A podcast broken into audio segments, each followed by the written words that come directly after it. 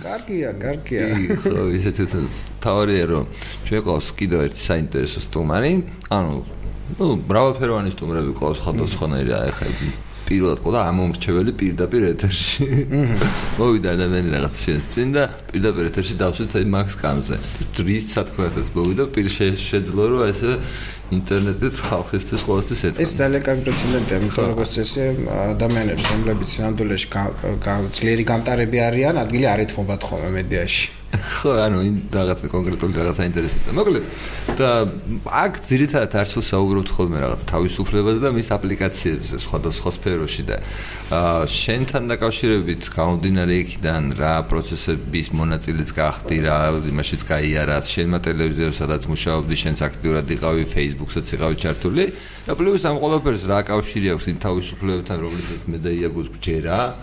და ვარკვევთ ხოლმე რა თქვა გადაკვეთების ადაგოქ ადამიანებთან და რაღაცა. მე მგონია რომ ეს ვერბალურ დონეზე ყველანი მხარს უჭერთ გამოხატვის თავისუფლებას და ანუ შესაძლოა ის პროცესები რომელიც ჩვენს ქვეყანაში მიმდინარეობს რაღაც თვალსაზრისით საშიშია ამ იდეისთვის და სხვა ყოველ სხვადასხვანაირად გვეხება ჩვენ. ჩვენს ვთქვათ შეგეხო და აი თუ შეგეძლია რომ აი მთავარი იდეა აი ამ პრობლემის რომელიც ვთქვათ შენს და შენს ტელევიზიის თავს მიმდინარეობდა ხო აი ჩვენ გვერდიდან უყურებდით. რა შენ უფრო ამ ყველაფერთან ახლოს იყავი და როგორ შეგიძლია ამის განზოგადება ერთის ჩვენთვის და დანახება რაში მდგომარეობს თავარი პრობლემა რაც ქვეყანაში და კონკრეტულად აი თქვენთან დაკავშირებით ხდება. რა რა არის ეს? ხო ჩვენს შემთხვევაში ორი პრობლემა დაეჭახა ერთმანეთს და იქიდან იყო უკვე პრობლემების ნაზავი. ერთი ეს იყო მე რომ მკითხოთ პირველ რიგში ეს არის პიროვნებების ურთიერთობის პრობლემა ანუ ერთ მხარეს არის კომპანია, მისი დამფუძნებელი, მისი ინტერესები, მეორე მხარეს არის სახელმწიფო, უცნაური ადამიანების მაჯორის იმ სახელმწიფოში, სრულიად არაუფლებამოსილი პირები, რომლებიც ასე ვთქვათ, მნიშვნელოვან როლს თამაშობენ და ის რომ ვერ ხდება მათი ურთიერთობაში ჰარმონიის მიღწევა. ან ჰარმონიიდან მე რაღაც პროცესები გადადის დისჰარმონიაში, რაღაცას ვერ თანხმდებიან, მარტივად რომ ვთქვათ.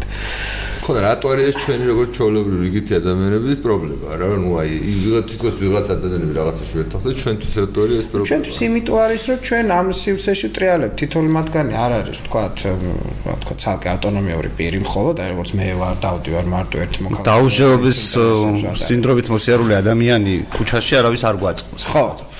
და მეორე მხარეს არის რაღაცა გავლენების ქონდა რაღაც ინსტრუმენტების ქონე პირები. მაგალითად ტელევიზიის შემთხვევაში ერთი მხრივ იყო ის რომ ტელევიზიის ინტერეს ჩვენ ვადევნებთ აი ორი ინტერვიუ ნახეთ თქვენ ბიძნევანიშვილის და ნუ ხედავთ რომ ნებისმიერი წინააღმდეგობის აფილაცია ხდება ნაციონალურ მოძრაობასთან. ვინც გინდა იყოს მაკრიტიკებელი, არსებობს ჭეშმარიტება, რომელსაც ქართული ოცნება ფიქრობს და არსებობს დანაციონა. ჭეშმარიტება და ნაციონალური მოძრაობა თუ ნაციონალები მეტაფორად რო ავიღოთ. სხვა არსებობს. სხვა არ არსებობს. აა სხვადასხვა გვიკამათია ხოლმე დრო და დრო მე და ბიზნესმენში თავის დროზე იმაზე რომ აა შე პირადადაც ისნობ ხო ანუ კი თანაწამყვანი იყო გადაცემის. აა მართლა საინტერესოა, ძალიან საინტერესოა, როგორია ურთიერთობაში. ძალიან კომფორტული ადამიანია ხა ამ ნაწილში მე ყოველთვის ამობ რაც კი ნავაკრიტიკე. უკაცრავად აკრიტიკებდე მას. ერთ-ერთი ძალიან კომფორტული საურთიერთობა იყო ჩემთვის ის არასოდეს მეგზუნე ამის მხრიდან, რომ ვთქვათ, იყო ჩემთვის ორი ბიზნესმენი, ერთი ვიზაც ლაპარაკობდა და მეორე ვიზთანაც ურთიერთობდი. და მე ძალიან ბევრი ხელმძღვანელი ყავს გამოცვლილი, ხა ძალიან ბევრი სამსახური მაქვს გამოცვლილი და ერთ-ერთი კომფორტული ადამიანი იყო, ძალიან პოზიტიურად შემიძლია დავასახელო ის როგორც ბოსი, ასე ვთქვათ, რომელიც კამათობდა, მაგრამ ჩემ თავისუფლებებში არ ერეოდა. გულწრფელად შემიძლია. აი, ეს ეს კითხვა, ხუშელო კითხვა დავსვა. ესეთი კითხვა შენთანო შენ ხარ აღმოჩნდა დღეს მაგიდასთან მყავს ადამიანი რომელიც ახლოდან იცნობდა ბიზნეს ივანიშვილს ახლოდან თვალსაზრისით რომ ფიზიკური შემხელობა გქონდა საქმე ხო აკავშირებდა და პროსო შენ ხო არ იცი ჩვენ ძალიან გვაინტერესებს ამ კითხვაზე პასუხს მიღება ზოგადად რიცი ჯერა ბიზნეს ივანიშვილს და რა უნდა მას? შენ აქვს იმიტომ რომ აი ვაკვირდებით და მართლა ძალიან ძალიან უცნაურია იმიტომ რომ ხო გასაგებია რა ხალხა გავლენა აქვს ამ ადამიანს ზოგადად ცხოვრებაზე ხო ამ პოლიტიკურ ცხოვრებაზე რაღაც და ანუ მართლა ლოგიკას რო ვერიჭერ რა რომ მართლა რა შვება? ხან სწორი მიმართულებით გადადგავს რაღაცანაირს მეორე ვერ ხვდები. არ არ მართლა მართლა იმნაირი რამე იცის რასაც თქვა ხვები ვახტობ მაგრამ მე უკვე არ მჯერა ამის. არა მე წაღანახსენე ორნაირად ხედავდი ერთი და ახლაც იგივე მდგომარეობაში ვარ. ერთი რომელსაც უსმენ და ახლა რომელსაც უსმენ იმიტომ რომ მის რასაც იქ ჩვენთან უშუალო სივრცე შეგვიძლია ჩვენ მზივართ ერთმანეთთან ლაპარაკობდით ნაკლები შეიძლება ინსტრუმენტებზე და ფორმებზე ყოფილიყო რაღაც საკამათო მაგრამ თუმცა ლაპარაკობდა თავისუფლებაზე ლაპარაკობდა მიუკერძოებლობაზე.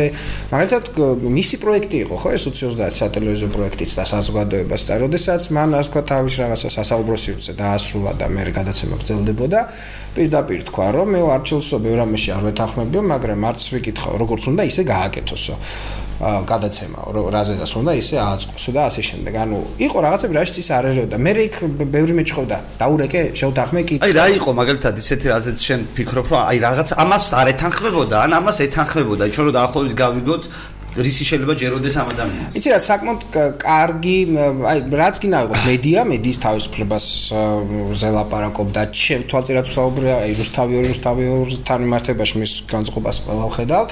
იქაც იყო რომ, ნუ ერთ-ერთი ქონდა ის, რომ აი, როდესაც არის მედია კორპორატიული ხასიათის, ანუ რაღაცა პარტიას თანამფრინავი, დაერქვას თავის სახელი. ეს იყო და ეს დანარჩენ ნაწილში ის არ მედიოდა. ლაპარაკობდა იმაზე, რომ რაღაცა აი, რატო არ უნდა დავტოვოთ GDS თუ მეცხრე არხი თუ ასე შემდეგ, იმიტომ რომ მას რაღაცა აა მოკლედ კარგ რაღაცებს ლაპარაკობდა რა. და საკითხებზე რაც მე ვეთანხმები აი ახლა რასაც არჩელი ყობა და ხშირად მომიყოლი აი რა სულ ორ შეხვედრაზე ვარ ნამყოფილად ფიზიკურად ყოფილა და მას მე რაც ჟურნალისტებისთვის თუ მედიისთვის მოკლედ კარი იხურებოდა ის ადამიანი ბევრად უფრო რაღაცა გუწფელას და სულ თავისუფლებაზე ლაპარაკი უყვარს ზოგადად როგორც ჩანს დახურულ კარს. კი და თვითონაც ძიების პროცესში ყოფია. მე ძალიან გამაშაყირეს მაგ ფრაზაზე, როდესაც მივედი, თქვი პირველ შტაბიშლები რომ ელაპარაკი ადამიანს პირადად და მე მედიაში ერები რომ მივეცი მაშინ თქვი რომ ისეთ განსტამაკ მეთქი რომ ძიების პროცესშია თქო და ძალიან დამცინეს რომ რას ქვიაო კაც მილიარდერიაო და ძიების პროცესშია და ზუსტად მაგას ვამბობდი პერიოდში რომ ადამიანმა რომელმაც რაღაც მომენტში მოიარა პრემიერობა და აგროვა ბევრი მილიონი მილიარდი და რაღაცა ეტაპს ხო გადის და ჯერ არ არის ის მხცოვანი საკმაოდ ახალგაზრდა იმისაც რომ ცხოვრებაზე დაუსვას წერდილი და მარტო ისე ამ და ძიების პროცესში ხო რაღაცებს ეძებდა და გახსოვს გაშაშა ხო ადამიანს სამ ცოცხალია მანამ ეძებ რაღაცას ხო ამიტომ მაგით იყო საინტერესო მათ შორის და აი ახლა დავაკავშიროთ თქვა ესეთი ადამიანი რომელსაც ნუ მეტ ნაკლებად შედარებით რაღაც კონტაქტი ქონია. თქვა იმ პრობლემატიკასთან რომელიც უშუალოდ შეიქმნა ხო ანუ მედიასთან მიმართებაში. მათ შორის მისი დამოკიდებულება თქვა სხვა მედიებთან დაკავშირებით. რა ხდება თქვენთან? აი თქვენ აი რა რა პრობლემასთან გვაქვს საქმე? ეს ორი ადამიანის ურთიერთობის გავიგე, მაგრამ შინაგანში ეს ხომ მართლა ორი ორი ადამიანების ჯგუფი არ არის. სხვა სხვა რამე შეიძლება. ქართულ ოცნებაში ხშირად საუბრობდნენ ხოლმე იმაზე, რომ ახსოვს ასეთი მიდგომები, რომ საშიში არის არარუსთავი ორი, რომელიც თქვა დადასტურებულია მისი პოლიტიკური სიმპათიები, აფილაციები. არამედ საშიშია ის ტელეკომპანიები, რომლებსაც ნეიტრალური, ანუ მიუკერძოებლის იმიჯი აქვს და იქ რომ რაღაცა გაიპაროს. ამ ზეგავლენის ეფექტი და ასე ვთქვათ, ყურებადობის წილი არ არის მაინც და მაინც ყოველთვის ერთმანეთის იდენტური, ხო? შეიძლება ცოტა უყურებდეს ან უსმენდეს რაღაც გადაცემას, მაგრამ მისი ზეგავლენის ხარისხი მაღალი იყოს. ამიტომაც დაიწყო ეს ბრძოლა დავით როზე მაესტროსთან და იმეთან დაკავშირებით და ნახეთ რაც მე ვიღეთ, ხო, ამ ორი ტელეკომპანიისგან საერთო ჯამში.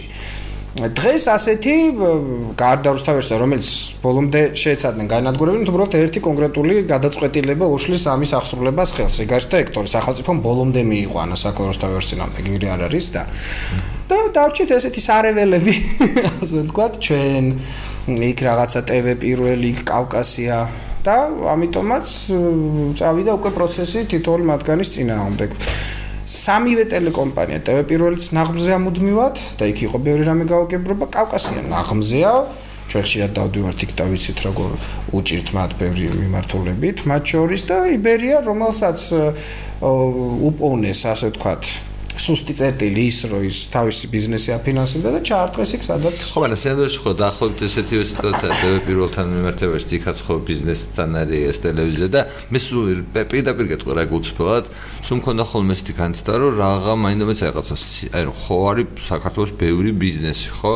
და თითქოს აი ეს სიგარეტის ბიზნესთან ორი ტელევიზია რაღაცნაირად დაკავშირებული და მე მაინც ყოველთვის განცდა მაქვს რომ ეს არა არაფერს შეშარ არის ესო ბიზნესის ბრალია, მაგრამ ბიზნეს ხომ არ ჭირდება რაღაც თვალსაზრისით თავდაცვის დამატებითი ინსტრუმენტები, როგორც არის მედია. უფრო მეც გეტყვი, სანამ სახელმწიფოში მე ბიზნესმენებს ვიცნობ მეტნაკლებად, ბიზნესმენების ფსიქოტიპები მეტნაკლებად ნაცხადია ჩემთვის.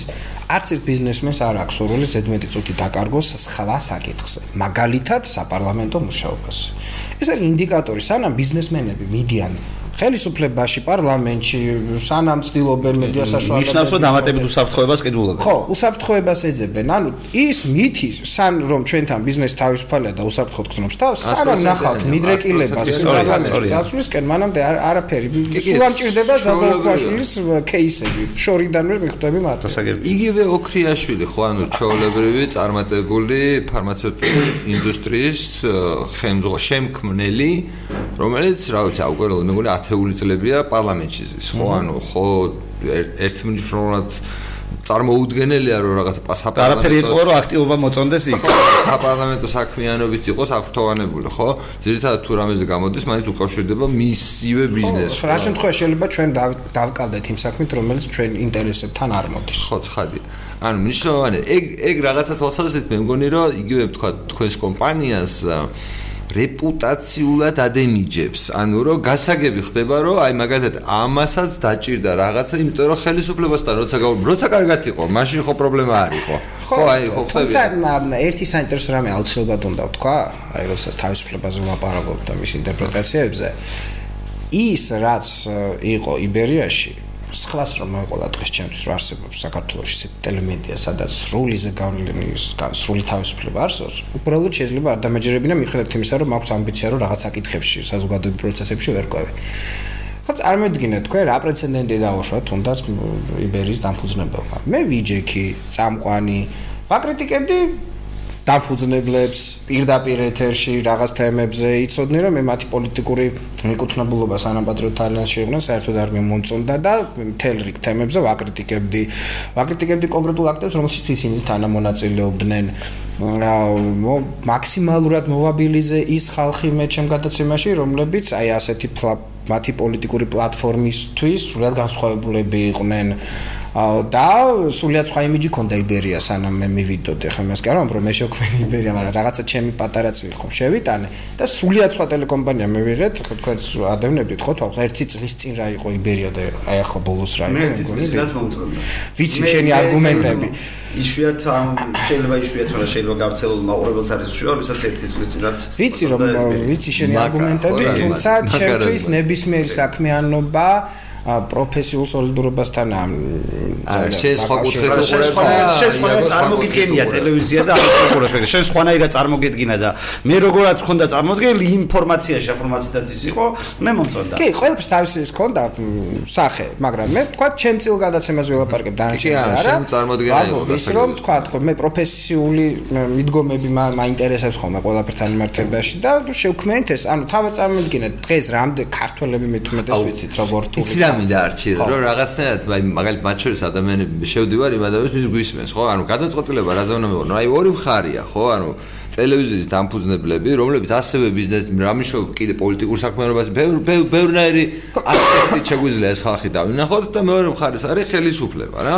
ხელისუფლება ასევე უბუნდოვნად წარმოდგენილი, დაწყებული ფარცხალაძე რაღაცა ყოფილი ministri ივანიშვილთან ვიზიტი, გაუგებრობა, რომელიც კიდე პლუს ივანიშვილის აი ბოლო ინტერვიუებმა შექმნა, როდესაც მან ფაქტობრივად სულ სხვა ისტორია შესთავაზა საზოგადოებას, რომ მან ფაქტობრივად აი ესე თქვა რომ აბა მიპოვეთ სიტყვა კონკრეტულად სადაც აი ის რაღაცა წერია რომლის შესახებაც საზოგადოებაში იყო გავრცელებული აზრი ხო? ერთი გავრცელებული აზრი სარდაფში რაღაც გაუპატიურები და მუხრებასთან დაკავშირებით და მეორე მხრივ გითხრა რომ საიდან ის 4 მილიონი ხო? ანუ ანუ რაში ვითხოვდიო? არავის არ გითქვიათო და ანუ მას მე რა მათ შორის ახლა ეს ამას ხო რაღაცა რეაქცია მოყვა ხო? ანუ აი შენ როგორ ხედავ აი ამ სიტუაციას აი ამ ბუნდოვანებას რომელიც ერთი სხვა მთელი თვის განმავლობაში ჯერ ერთმა ტელევიზიამ აიღო და ურტყა დუბინკასავის არსებ დღევანდელ ხელისუფლებას, რაზეც იმათ ქონდა ძალიან უცნაური რეაქციები ეს ყველაფერი გავიარეთ და დასრულდა ივანიშვილით, რომელიც ფაქტობრივად უარყოფს, ხო, იმ ნარატივს, რა ნარატივსაც თქვენც და რუსთავი ორიც და ის ადამიანები, რომლებიც ამ თემით აქტიურად ინტერესდებოდნენ, ამ ნარატივს ყველა ენდობოდა.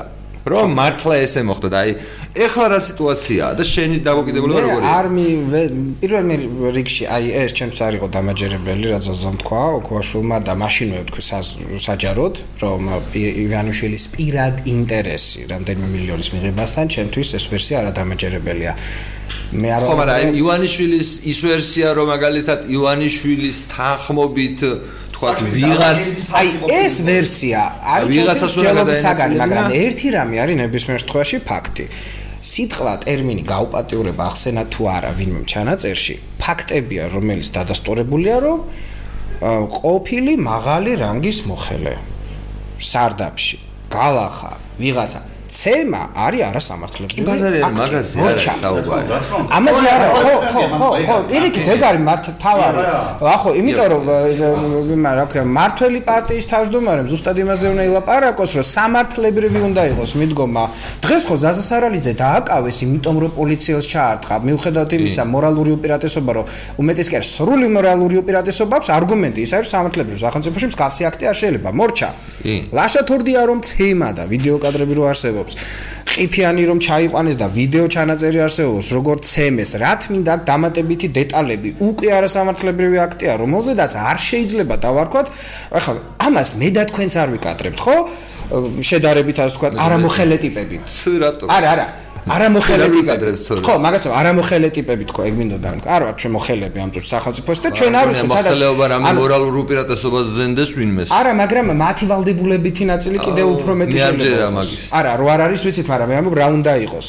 ამიტომ ივანიშვილი არ მოიწუოს მაგალითად ამ იმას ეკრძალება არ მოიწუოს ხო ნუ ხო ამისაც პროგრამას იქ ადმინისტრაციულ პროგრამას მე მოტყუება ანუ სიტყვაზე დანაშაული თუ იყო და დამალვა დამალო მათთვის სისხლის სამართლებრივი პასუხისგებლობის ნაწილია ის კი არის ჩემთვის არ არის მოქალაქე? შენთვის როგორ არის? ახლა მე მოვიტყუ ამ წუთად თქვა რომ გამაცო თქვა ხო. ხო კანონცინაში ყოველთან მაგრამ მაგრამ როდესაც ხედავ რომ აი ამ აქტს ამართლებს ბიძინა ივანიშვილი თulis რომ არაფერი დასაჭერი არ აქვს და თანაც თვითონ რატომ უნდა დაეჭეროს თვითონ ვერც უნდა დაეჭეროს თვითონ არის პარტიის თავმჯდომარე რომელიც მაქსიმუმ მინიმუმ არის პარტიის თავმჯდომარე. ხო შეფასება ხო რა ვიცი შეფასება კი მაგრამ მასზე არ უნდა იყოს დამოკიდებული. დაჭერა არ დაჭერა და ის პირდაპირ ამობს ანუ დაახლოებით ისეთი კონტექსტი იყო რომ დამი დასტურეთ არგუმენტები მაჩვენეთ და დავიჭერეთ მე რასაც ვუყურებო დასაჭერი არ არის ფარცხალაძეო დაახლოებით ხო ამიტომაც ეს ბმები თავისთავად ერთმანეთთან რაღაცა ლოგიკურ ჯაჭვში ერთიანდება მე არ ვამობ რომ ეს ასია მაგრამ რაღაცა ლოგიკური ჯაჭვი იქნება რაც ნამდვილად არაა სასიამოვნო პროცესი ანუ აქ საბოლოო ჯამში თელი სიმძაფრე გამოიწვია იმან რომ სახეზე გქონდა ძალადობა ანუ კონკრეტულად ძალადობა. ანუ ჩემი აზრით ვერც ერთი აი ფუნქციური ნაწილი ამ ხელა მუხს ვერ აწევდა აქ სარდაფმა რაც აწია სარდაფმა ერთხელ მე ამ სარდაფს წინ უძღოდა ვაშა თორდიას ამბავი რომელიც პროცესს ხდიდა დამაჯერებელს ანუ ვერ იტყოდი რომ არა ფარცხალზე ამას არ იკადრებდა რომ შანსი არ იყო პირიქით იყო რომ დოკუმენტირებოდა კი ხალხი პირიქით ელოდებოდა ფარცხალზეგან ელოდებოდა თუ საჯაროდ ეს კაცი ამას შვება აბა დამალულს რა შვება? აი ესეთი მოლოდინის პირობებში ეს თემა გახდა გასაგები. და აი ახლა ამ ამ რეალობაში ვიმყოფებით, როდესაც ამ კონკრეტულ საკითხთან დაკავშირებით ჩემი აზრით ბიძინა იმაშვილი არაფერს არ ამბობს. ანუ ჩემი აზრით არ არის დასაჯელი ფარცხალაძეო. ანუ აი ესეთ რაღაცას ამბობს, მაგრამ არც იმას არ ამბობს, რომ უდანაშაულოა ფარცხალაძე და ანგელოზია. ანუ აი ესეთი ფორმატია. არ თქვას, მაგრამ მინიმუმ კონკრეტულ აქტებზე უნდა გაეკეთებინა სამართლებრივი შეფასება მორჩა თუ კი მას ის აკეთებს შეფასებას. ეს შეფასება. ა მე გონია რომ მაგაში როგორ იყო ერთი წელი მაცალეთო ბოლო ჯერ უითხოვა ვადა რომ ახლა მე ეს სამსვა და ერთი წელი ჯერდება ფარცხალაძეს ყველაფერს თავის სახე ახს ფარცხალაძეზე არ უთხოვს არაფერი. ვფიქრობ. მან ყველაფერს რო თავის სახელი დაერქვასო და მე ვიგულისხმე რომ ესეთი სტრატეგია შეიძლება არსებობდეს რომ ახლა არაფერს არ მომგვარჩენებამ და არჩენების მერე ვიზამ რაღაცას. ანუ თუ არსებობს თუ რამე სტრატეგიაზე გვაქვს საერთოდ ლაპარაკი თუ რამე სტრატეგია არის და ეს არ არის უბრალოდ ექსპრომტი. ჩვეულებრივი მაშინ ეს სტრატეგია ხო მაგრამ იაგო ნებისმიერ შემთხვევაში თუ აქვს მას ამბიცია რომ თანამედროვე ლიდერია თანამედროვე პოლიტიკური კომუნიკაციები თლიან ღიაობაზე აგებული ანუ მის ფარულ სამყაროში მის შინგნით გულში რას იგულისხმებს საიდან რას დაალაგებს სულ რომ ჭეშმარიტად იცოდეს სწორი იყოს აქ უკვე დასრულებულია ლაპარაკი ლაპარაკი დღეს არ არის 21 საუკუნეა ღია უბაზე არჩევნებზე მივდივართ ფარცხალაძე ზუგზე გვაზის ქართული ოცნების სტრატეგია არის ასეთი. ქართლაძეზე არაფერს არ ვამბობ არჩევნებამდე. რა მეინტერესებს, ანუ აი გასაგებია, რომ რაღაცნაირად ესე ბუნდოვნა ბუნდოვანებაში დარჩა, მოკლედ ეგ საკითხი რა. მაგრამ რა შეიძლება აი იმ თემატიკას, რომ ნუ ამ ამ ამ ბრალდებაზე ხო სინამდვილეში რაღაცა საგამოძიებო საქმიანობა დაიწყოს, დაიწყეს თუ არ დაიწყოს თუ ერთადერთ ეპიზოდზეა როგორც ვიცი დაწყებული, ისიც უჩამამცაშვილმა რაზეც შეიტანა განცხადება. აა იგ არ ვიცი. ან რეპუტაციის შელახვაზე, იმიტომ რომ ერთ-ერთ ჩანაწერში იქ ყიფიანზეა იქ პარაკი. მოსმენი რა მოხდა? ხო, აი ამ ეპიზოდზეა დანარჩენი საქმე არაფერზე არა რამდენადაც ვიცი. ხო, ანუ გამოდის რომ სინამდვილეში ხელისუფლებამ უარი განაცხადა ეს ყველაფერი აღექვა ბრალდებად. რაც შეიძლება ძალიან უცნაურია. ერთის მხრივ ნახევარს რუსთავიერზე საუბრობ და ზოგადად ხელისუფლება როცა რაღაც ოპონენტზე საუბრობ და მეორეს მხრივ არანაირ სამართლებრივ რეაქციას არ აძლევ.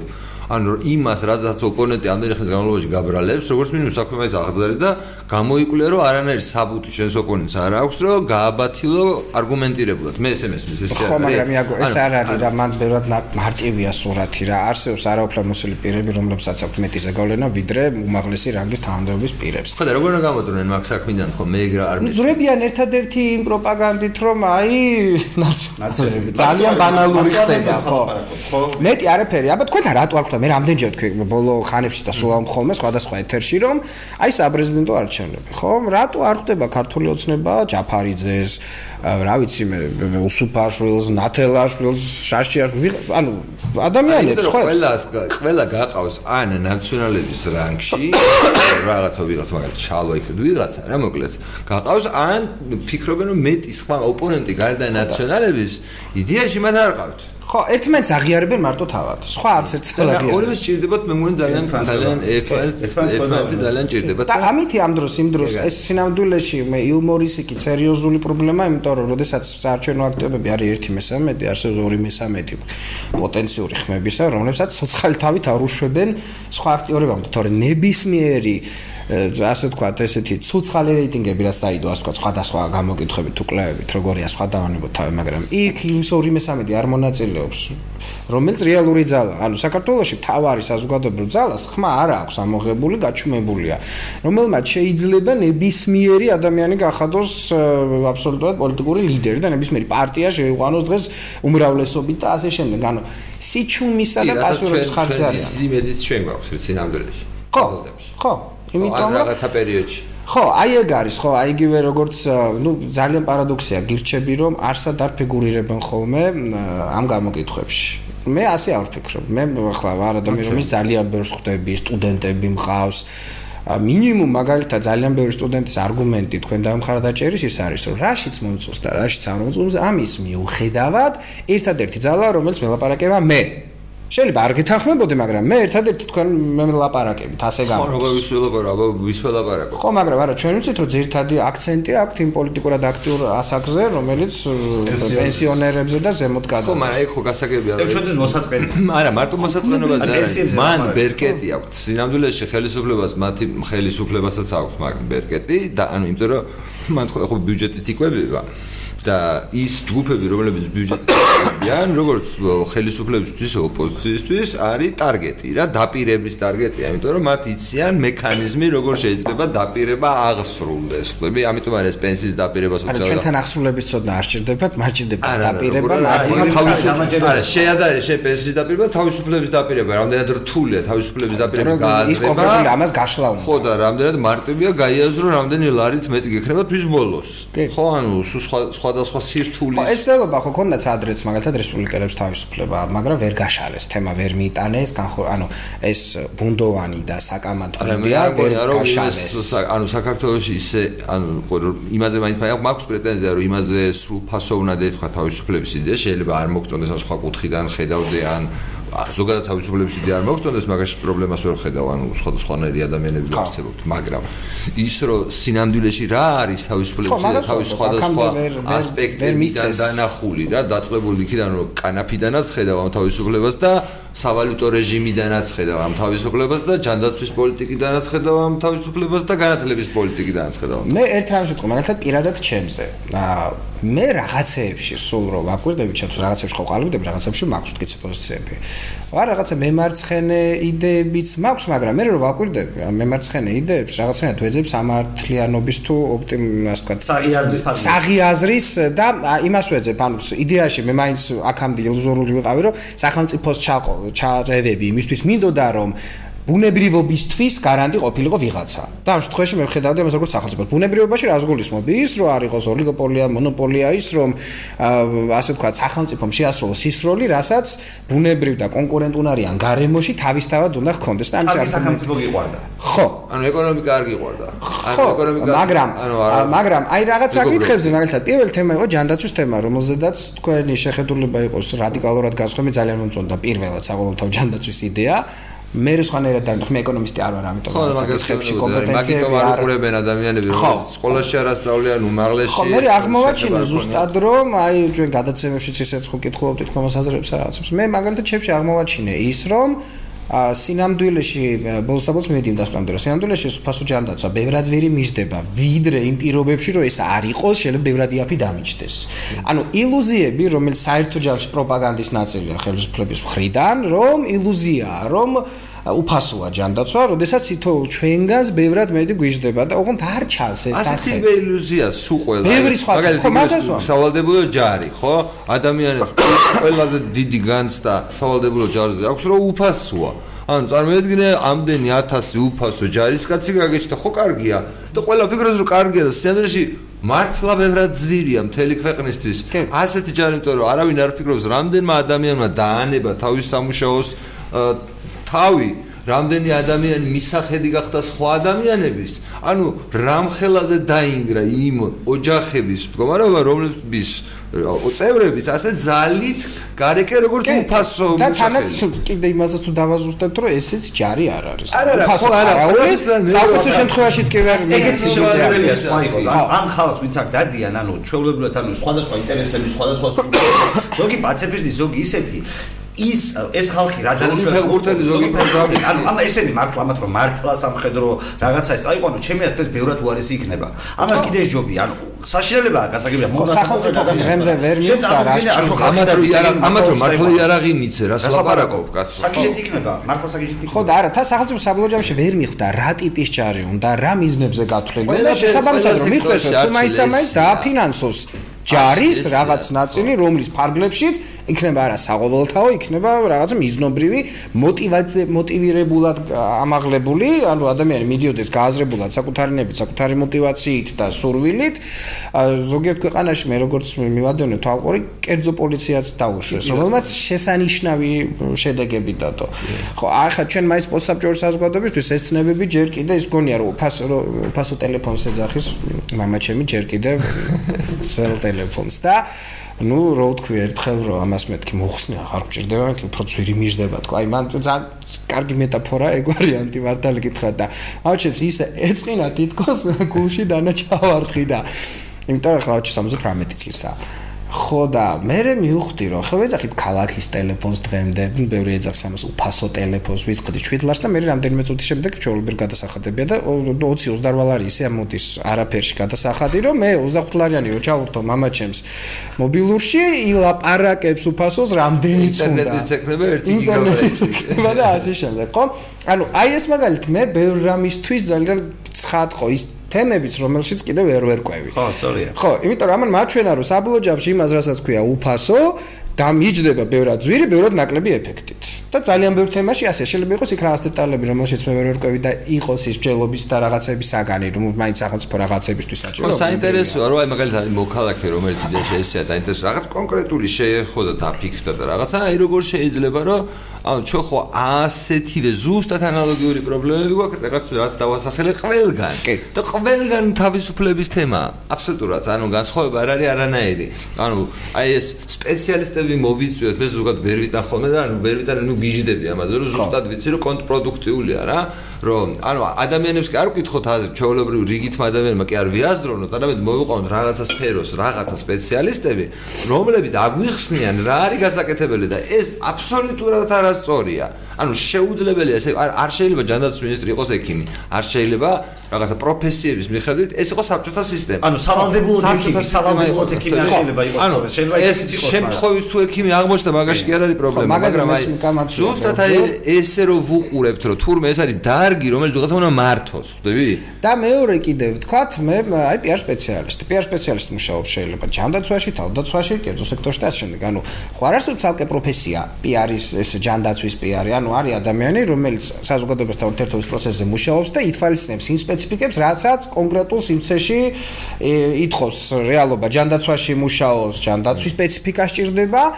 საუკეთესო შემთხვევაში ეს შეგვიძლია ვთქვათ, რომ ორმხრივი კომპეტენციები სასურველია, რომ ადამიანი რა თქმა უნდა იმ სპეციფიკებში ცერკვეოდეს მაქსიმალურად, მაგრამ მართვის უნარსა და ასე ვთქვათ, კარგი როგორ იყო ჩხენკელიო დაშას განხლების მინისტრად, არგუმენტი მთავარი იყო, აა კარგი მეცნიერი.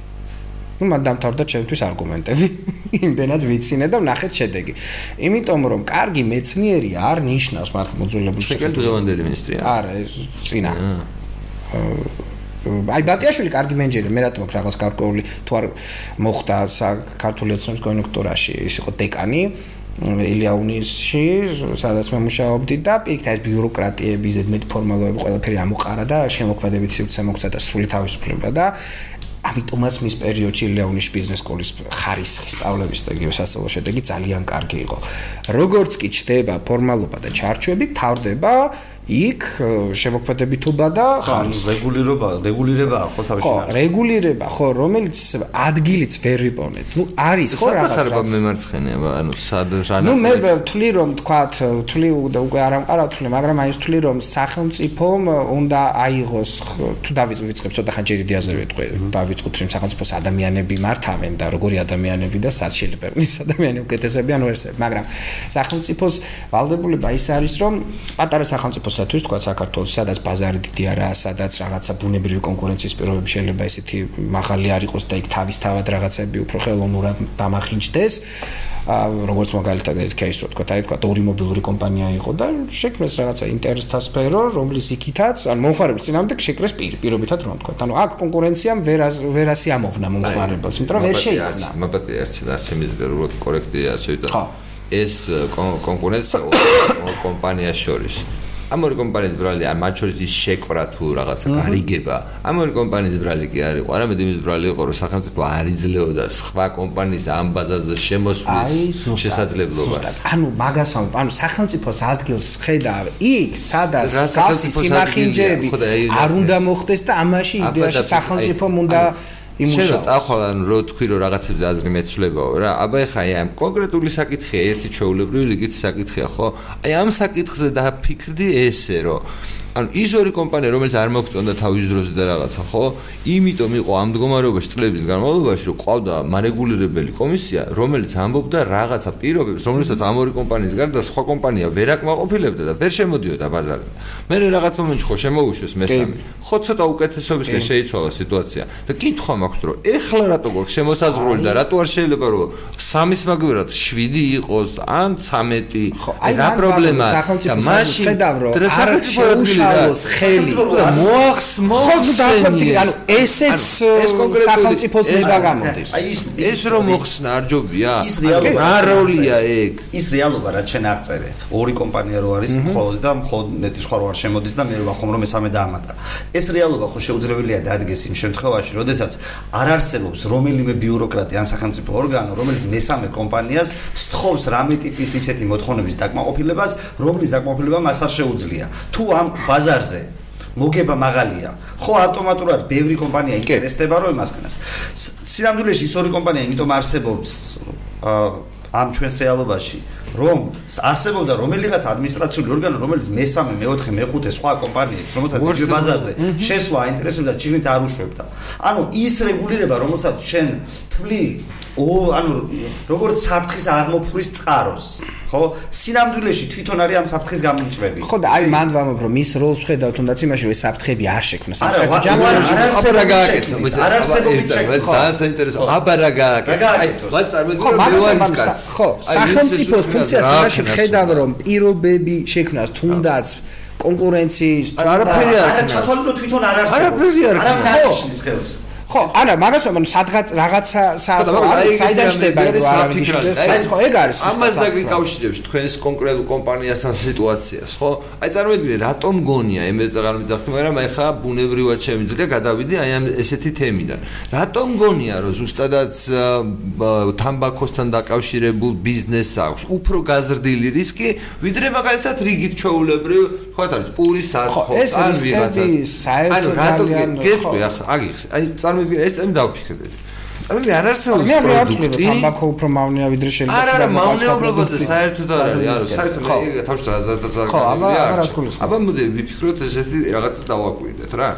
წარმოიდგინე რომ აი არის სხვადასხვანაირი ბიზნესები, მაგალითად ვიღაცაც ტელეფონს ყიდის, ვიღაცა ბლოკნოტს ყიდის, რაღაც ეგეთებს ყიდის. და გასაგებია, ხო? აქ არის ჩეულებრივი სტანდარტული საგადასახადო წნეხი ამ ჩეულებრივ ნიუჩში, რომელიც სადღაც შეიძლება იყოს მესამედი თქვა ღირებულების და ნუ ასე ასეთ პირობებში იყიდება დანარჩენი პროდუქციაც ბაზარზე, ხო? მაგრამ უცბად შეიძლება ახალი პროდუქტი, შესეთ რაღაც უცნაური თვისებების, რომელსაც სახელმწიფო განსაკუთრებულად მეგრავს. განსაკუთრებულად მისეს მნიშვნელობა არ აქვს ეს საზოგადოებრივი ჯანდაცვის ინტერესია, იმის ინტერესია თუ ამის ინტერესია, მაგრამ anyways, კოლოფში უზარმაზარი თანხა არის გადასახადი. ხო ასეა? ეხლა წარმოიდგინეთ, თუ ამ გადასახადს ოდნავ მაინც დამალავ, ოდნავ მაინც, ხო? უზარმაზარი მოგება გაქვს, ანუ სახელმწიფო თუ ოდნავ მაინც შენსკენ არის, უზარმაზარი მოგება გაქვს. აქციზია მაგალითად? ხო. და ამ დროს ყავს კონკურენტები.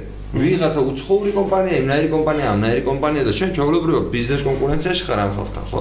და ყველაზე მეტად თუ ვინმე არის დამოკიდებული სახელმწიფოს პოლიტიკაზე, ან ხელისუფლების პოლიტიკაზე, არიან დამოკიდებული მსგავსი ტიპის ბიზნესები, რომლებიც ძალიან დაბეგრილი, ძალიან რეგულირებულები არიან, ხო? ანუ მაგალითად ეხლა რამე მოხდეს, მაგალითად რომელიმე ბანკში ანუ ამ ბანკს უფრო მეტი პასუხისგებლობა ექნება თუ მაგალითად ეროვნულ ბანკს, ხო? იმიტომ რომ ეროვნულ ბანკს ფაქტობრივად მთელი პასუხისგებლობა საკუთარ თავზე აქვს აღებული, რომ ეს ბანკი ვიღაც კლიენტს ვერაფერს ვერ, ანუ ვერ მოატყუებს რაღაცას ვერ უზავს და ასე შემდეგ და ასე შემდეგ. თუ სინამდვილეში ანუ ჩვენ კლიენტებს გაგვაბრაზებენ ბანკები, ჩვენ ბანკებთან კი არ მივალთ, ეროვნულ ბანკში, ანუ თავრობასთან მივალთ, ხვდები?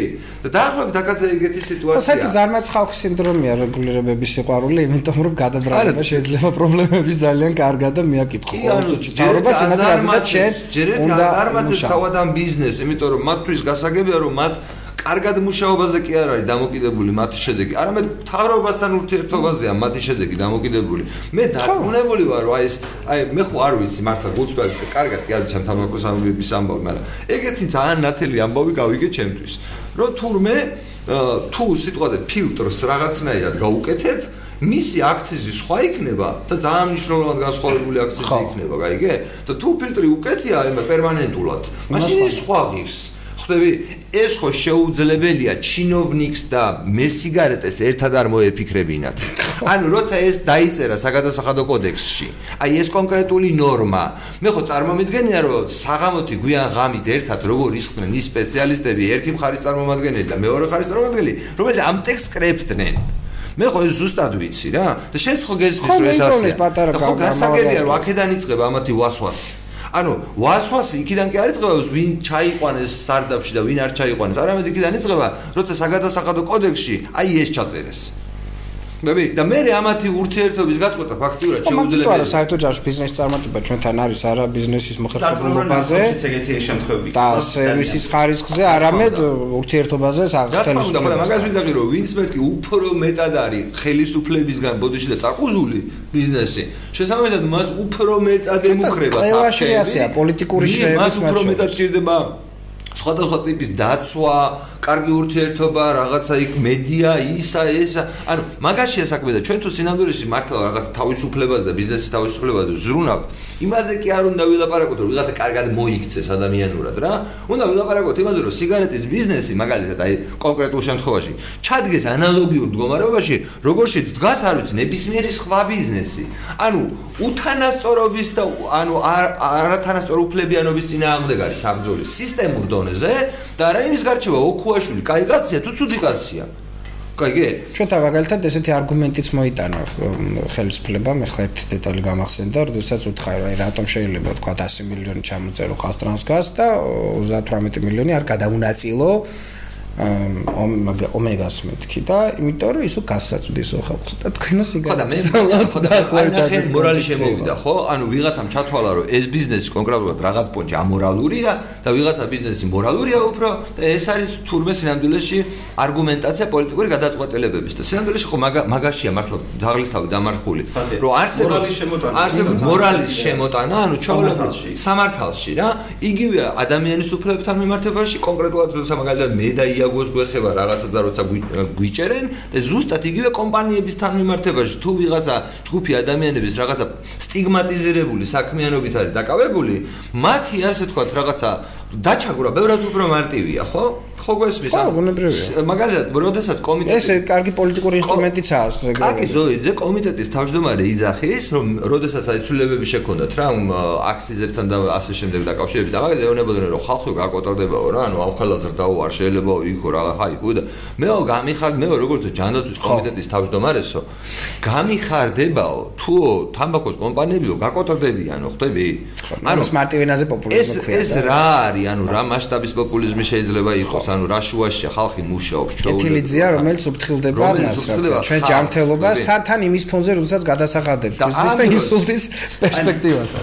ამ დროს ამ ფულიდან სინამდვილეში მართლა ხო თვალს ხუჭავდნენ ამ სიაფანდობაზე იმაზე. და ეს ფული ხო ვიღაცას უნდა გაეტეხა. ვის უნდა გაეტეხა? თუ არა იმ ადამიანს ვინც მისცა ამ თავ ეს საშუალება კომპანიებს. და შესაბამისად როგორც ჩანს ამათ კომპანიებმა გაყოფა არ იცოდნენ და ვერ დაუფასეს სათანადოდ გაწეული ასე თქვათ შეღავათ ხდები? ამაგი. ხო ამაგი ამაგი ხო არ დაუფასეს ამაგი და მოვიდა ჩხუბი დათორდა სარდაფი რომელიც პრობლემა. გამოჩნდა მეორე პრობლემა. ხო და ახლა ჩვენ ახლა აქ ვიღილა ხდება როდესაც არ შვენის საქმეს საგადასახადო ამდენია მე რა ხდება? მე რა ხდება სარდაფი? მე რა ხდება ფარცხალაც ხო მე იმიტომ რომ ძირითადად ჩვენთან ეს ეგ არის მისი როლი იერარქიულ საფეხურზე. ხო ხო ხო მაგრამ ნუ მთელი ამბავი ისაა რომ არაუფლებამოსილი პირები როდესაც მართავენ პროცესებს ესე იგი ნიშნავს რომ არსებული წესი არა სხვა სხვა კუთხითაა რომ არსებული წესი არ არის მომგებიანი მექანიზმი თუნდაც ცალკეული პირების ყოჩაღობისა და მოხერხებულობისთვის შედეგის მისაღწევად. და არ არსებულ ხერხებზე გადადიან რაღაც სხვა ფარულ პროცესებზე. ხა წესი და რიგი, როდესაც მისთვის მისაღებია, მაშინ შეიძლება ვერად უფრო წარმატებულად აა ეს ჩვენ მარტივად შეგვიძლია აქედან ამჟელობითაც შეგვიძლია მივიდეთ იმ ლოგიკურ დასკვნამდე, რომელიც სხვა მხრიდანაც შეგვიძლია მივიდეთ, რომ რაც უფრო ნაკლები შემხებლობა ექნება ადამიანს და სისტემას ერთმანეთთან. რაც უფრო ნაკლები შემხებლობა ექნება, მით ნაკლებია კონფლიქტების შესაძლო რაოდენობა კონკრეტულად. და იდეაში აი ყველა ამ შემთხვევაზე, სადაც ახლა ჩვენ საუბრობდით, რომელიც იყო გადასახადებით იქნება თუ რეგულირებებით იქნება, ნებისმიერი რამე, აი ნებისმიერი ეგეთი სახელმწიფოს მიერ მოწესრიგება, რასაც ჩვენ მოწესრიგებას არ ქმევ რა, ანუ რანაც ჩვენ ახლა ფიქრობ. ხო, დამატებითი შეხება ადამიანის და ბიუროკრატიის, რომელიც შესაძლოა დამთავრდეს კონფლიქტებით, ჩვეულებრივი კონფლიქტებით და ან კორუფციით. ან კორუფციით, ან კორუფციით კარგ შემთხვევაში. და წარმოიდგინეთ, რომ რაც უფრო ჩვენი მთელი ფილოსოფია გირჩის ხო ის არის, რომ სადაც ასეთი შემხებლობა არ არის აუცილებელი და მოდი დავფიქრდეთ, და სად არის აუცილებელი? სად არის აუცილებელი? ესეთი ესეთი შემხებლობა ბუნებაში არ არსებობს. ფარცხლობდეს და ჩემი აზრით მაგის თავარი ამოსავალი წერტილი სად არის? იცი რომ ვინაიდან თავარი შემაშინებელია იქ რო ფარცხლაძე იყო რა სამართლის სისტემაში ესეთი შემაშინებელი არის სისტემის შიგნით. ციხე. ჩვენ ფაქტობრივად უნდა აი რა მე ხო ბოლო პერიოდი მაგ აკვიატება რომ ჯაფარას ავტის დაპირება აუხსნა რას ნიშნავს? კი აკვიატება ხო კი აკვიატება გქ მართლა ამიტომ დაპირება აუხსნათ რომ არც ერთი ადამიანი რომელიც სხვა ადამიანს არაფერს არ უშავებს ციხეში არ უნდა იჯდეს. და წარმოიდგინე რომ თავარი საბოლოო ჯამში სისტემის შიგნით, აფარცხალზე სისტემის გარეთ იარაღია. იმას ვერაფერს ვერ უშვებ, იქ პროსტა არჩევნები გაქვს პასუხი რა, სისტემის შიგნით. მაგრამ სისტემის შიგნით არის ციხე და წარმოიდგინე შენ რა იარაღი აქვს სისტემას, როდი შეიძლება ციხე გამოიყენოს როგორც იარაღის სისტემა. წარმოიდგინე, როდესაც სისტემას შეუძლია რომ შენ ჩაქსვას ციხეში ისე, რომ არ არსებობს შენი ქმედებით კონკრეტულად დაზარალებული პირი. არჩილი ვახო იაგო ვიღაცა კონკრეტული პირი არ არსებობს, რომელიც ცხადია რომ დაზარალებულია, ანუ აი საღიაზრის დონე ცხადია დაზარალებულია. ასეთ დროს თუ შეუძლია შენ ციხეში ჩაქსვას, ანუ ასეთი ტიპის შემხელობის უფლებას აძლევ. იგივე მორალისტური არგუმენტით რა არგუმენტზედა ჩვენ წერან საუბრობდი, ანუ მორალისტური არგუმენტია ნარკოტიკების შემთხვევაში, ანუ აი ცალსახად მორალისტური სხვა არაფერი არ არის მართლა, ანუ არის ის რომ საგადასახადოს შემთხვევაში. საგადასახადოს ანუ აქციზების განსხვავებულობის შემთხვევაში და აი რა ვიცი, მაგალითად სიგარეტის შემთხვევაში თავარი აფერისტობას ადევს რა, ანუ სიგარეტის ფასის მომატება გამოიწვევს გამოიწვევს უკეთეს შედეგს ჟანდაცვაში და სინამდვილეში ადამიანი რომელიც ფილტრებს ფილტრიანს ეწეოდა, გადადის უფალტრო ფილტროს. ვინც უფალტრო ეს ხო არ არის ელასტიური საკითხის არაფერა საქონელი. ხო არა, ეგ უბრალოდ ფოტოშოპში ამ პოლისიში თუ გავანებდეთ და ძალიან ზუსტად ჩანს მავნებლობა არა არა უბრალოდ ბოროტება ჩანს ანუ ხელისუფლების აქ ერთ-ერთი რა არის ამ ტიპის პოლიტიკის მიმდევრების მავნება ანუ სიცოცხლეებს ხოცავ ადამიანებს ხოცავ ხალხს იმის გამო სიგარეტი გავაძვირეთ და უფილტროზე მეტი აქცია. და რა პროგრამაკეთეთ ეს იცი რომ უფილტროზე აგვეღო მეტი უფილტრო დაგვებეგრა სხვანაირად რომ მე ვიღაცას ფილტრი ხელოვნურად გაერჭო. მიხდი აი ეს არის ხო მაგ თალის არის საზოგადოების ჯანდაცვა ხონდა ამის გამო ადამიანები იხოცებიან დაბალ ხარისხიან პროდუქტი. პირველი თავი დავანებოთ. ანუ მეტი რისკია მათ ჯანმრთელობაზე და ჩვენ მორალისტური არგუმენტი თვითონ კარგ საქმეს ვაკეთებთ და გუგული მაგრაძე სახში მიგზავნოს მოწევას. ანუ აი საგიჟეთი გქონდა ხო. და მაგ აქ ერთადერთი აი იგივე გარკვეული ნარკოტიკის მოხმარების საკითხი რაც ჩემთვისაც არის ფიქრის დამჭერლობის საგანი ეს არის თქვა ვნებს რო არ ვნებს სხვა პირდაპირაც არ აერეკლება აი ამაზე ფიქრობ ხოლმე ძალიან ხშირად. როგორ როგორ რომ ადამიანი თუ კი სხვას არ ვნებს, ამ თავის თავს ვინადგურებს ამით. ერთადერთი ჩემს საქარავისჯელობის საგანი ერთი მნიშვნელოვანი, ჩემი აზრით მნიშვნელოვანი საკითხი, რომ საერთოდ ჯამში ადამიანის სოციალური არსება, მithlat მე რომ ვარ. აუ, შენ ჯერა რომ შენი სხეული შენია, აქ და უნდა მეკითხა. ჯერა? და ამაში ხომ თქვენზე მეტად ჩემს სტუდენტებმა დავარწმუნეს. არა, შენი ფოდერული არა, იყო რაღაცები რაშიც სტუდენტებთან ურთიერთობის დადებითი ასპექტი. არა, რა თქმა უნდა, ჩემი განვითარების თუ რამე დინამიკა მაგ განვითარების მინიმუმ 2 მესამე ჩემს სტუდენტებზე მოდის და 1 მესამე თვით განათლება. ოჩახ სტუდენტი. ხო. ამას კი კაი სტუდენტები შემო კი, ყოველს კაი სტუდენტები. ამ აქ ერთადერთი თემა არის ის, რა თქვა, მე რომ ვარ, თქვა სახლში, ხომ? მე ვარ მამაც, ძმაც, შვილიც, ქმარიც. ამიტომ საკუთარ თავისადმი მიყენებული რაღაცა, თქვა, ზიანი არის თუ არა მარტო საკუთარ თავისადმი მიყენებული ზიანი. აა სხვასაც შეიძლება ადგებოდეს ზიანი შენი ჯანმრთელობის გෞრების გაუარესებით. ხო, ანუ ჩემ შვილებს მაგრამ საუბარი არის ვისი გადასაწყვეტია ეს.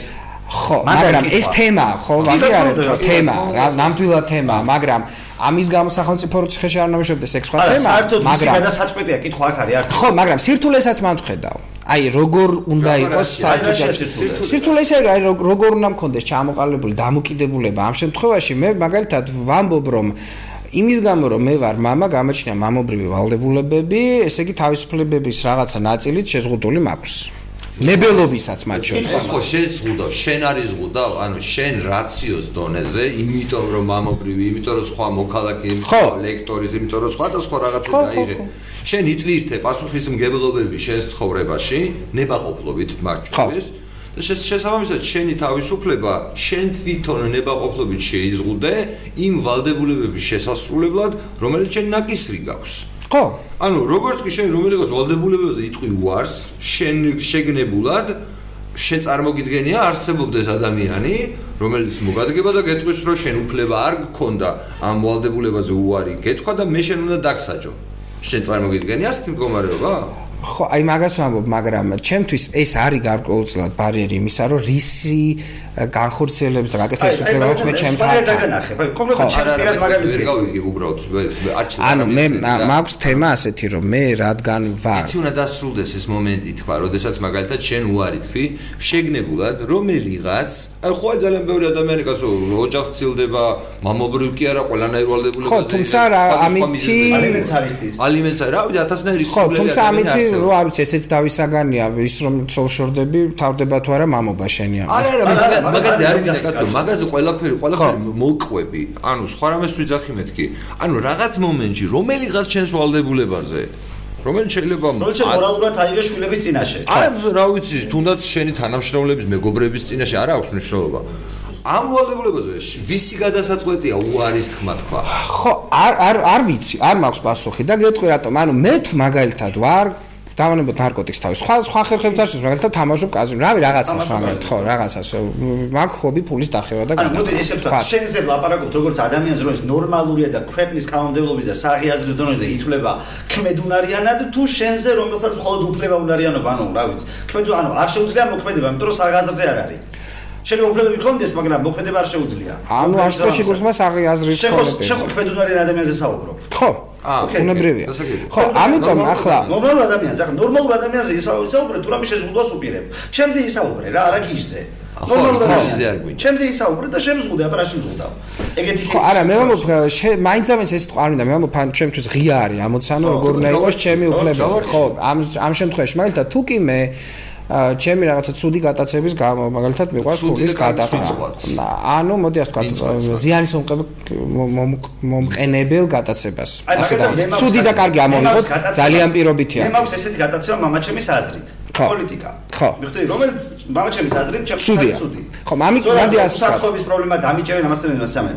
ანუ მოდი ასე ვთქვა, ზიანის მომყენებ, ხო, ცუდი და კარგი საერთოდ მე შეერთად ვიყენებ, იმიტომ რომ არაფერს მომცემ შეფასებები და ძალიან შედარებითია, მაგრამ ნუ ზიანის მომყენებ, მაგალითად ავიღე 1000 ლარი ხელფასი და ის 1000 ლარი მე რო სართულიდან თვითბრნავები გავაკეთე და გადაუში გავაფრინე. ეგა ნორმალური არ ყოფილა. არა, ნორმალური ჩვენ ხო იმას ვამბობ, უტრირებას ვახდენ, ხო, ხდები, უტრირებას ვახდენ, რომ არ შევეხო რაღაც კონკრეტულ იმას, თემებს. ჩვენ ხო სიტუაცია ანუ ნახე, ჩვენ ხო ისეთი წესრიგის მიღწევა გვინდა არჩილ, სადაც ნორმალური ადამიანები, ანუ ჩვენ საღაზი ყოფილი ადამიანები, არა გიჟები, თავს იგრძნობენ კომფორტულად. ხო. და გიჟებს თუ რა უნდა ხელი არ შეგუშალოთ სიგიჟებში, იმიტომ ისინი ესე იგრძნობენ თავს კომფორტულად. მე ასეთ საზოგადოება მინდა, მიხდი? ხო, თუმცა ნუ მანდ შეიძლება თემა რა ითვლებენ, კარგის და ცუდის არ იყოს რა არის? ნორმალური რა არის გიჟი.